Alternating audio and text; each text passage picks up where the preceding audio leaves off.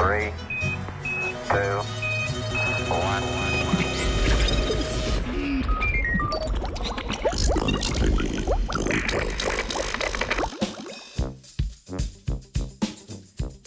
Dobro jutro. Danes nas v znanstvenem Britufu skrbi izginjanje velikih rastlinojedcev.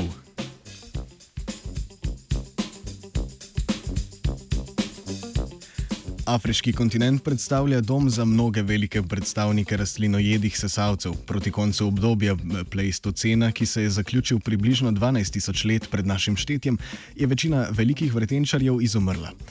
Mnoge teorije problematiko izginjanja raznolikosti velikih rastlinojedcev povezujejo s pojavom sodobnega človeka. Ameriška raziskovalna skupina pa je ugotovila, da začetno izumiranje rastlinojedcev v Afriki ni povezano s pojavom človeka, temveč se upada s širjenjem C4 rastlin.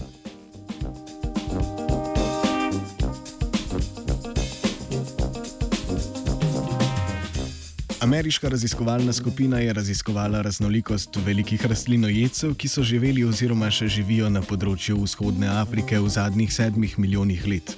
Ta regija ima veliko znanih fosilnih ostankov, ki nam povedo veliko o interakcijah med sesalci in človekom vse od njegovega pojava.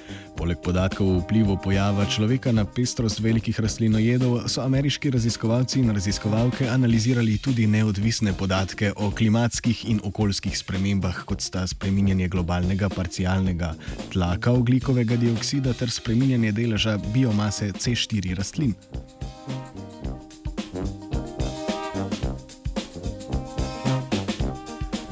Ugotovili so, da je v zadnjih sedmih milijonih let na področju vzhodne Afrike izumrlo kar 28 linij velikih rastlinojedcev. Med še živečimi so najbolj znane žirafe, nilski konji, nosorogi in afriški slon. Dolgo je veljalo prepričanje, da so izumiranje velikih sesalcev posledica človekovega delovanja.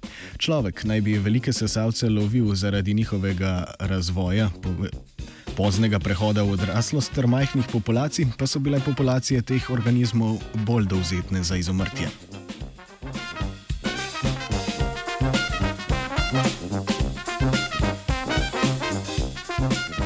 Analize fosilov so pokazale, da se izumiranje pojavljajo že več kot 4,6 milijona let, medtem ko učinke prednikov človeka povezujemo z obdobjem, ki se je pričelo pred približno dvema milijonoma let.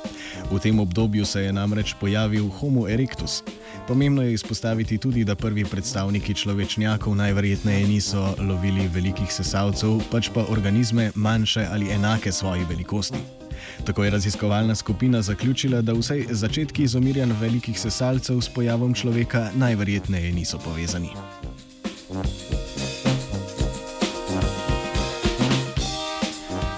So pa ugotovili, da bi lahko na zmanjševanje populacij v tistem obdobju pomembno vplivalo širjenje C4 rastlin. C4 rastline so rastline, ki so tekom evolucije razvile poseben encim imenovan PEP-karboksilaza, ki omogoča vezavo oglikovega dioksida v obliki posebne kisline. To rastlini zagotavlja visoke koncentracije oglikovega dioksida, potrebnega za fotosintezo, hkrati pa ne prihaja do nepotrebnih izgub vode ob izmenjavi plinov pri visokih temperaturah.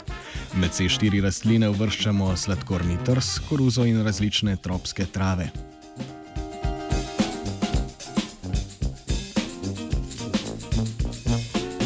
Raziskovalci so potrdili, da širjenje C4 rastlin se upada z začetkom izginjanja rastlinojedcev, ki so se prehranjevali z evolucijsko starejšimi C3 rastlinami.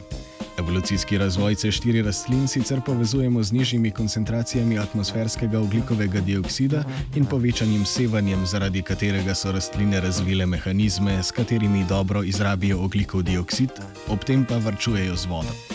Više temperature, večjo sevanje, nižji atmosferski tlak oglikovega dioksida in širjenje rastlin, na katere rastlinojeci niso bili prilagojeni, so glede na ugotovitve raziskave glavni dejavniki izumrtja številnih rastlinojecev na področju Afrike.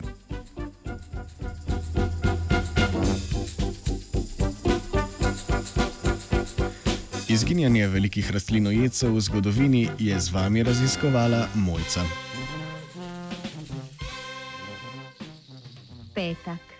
Petak. Je kažu turski svetak.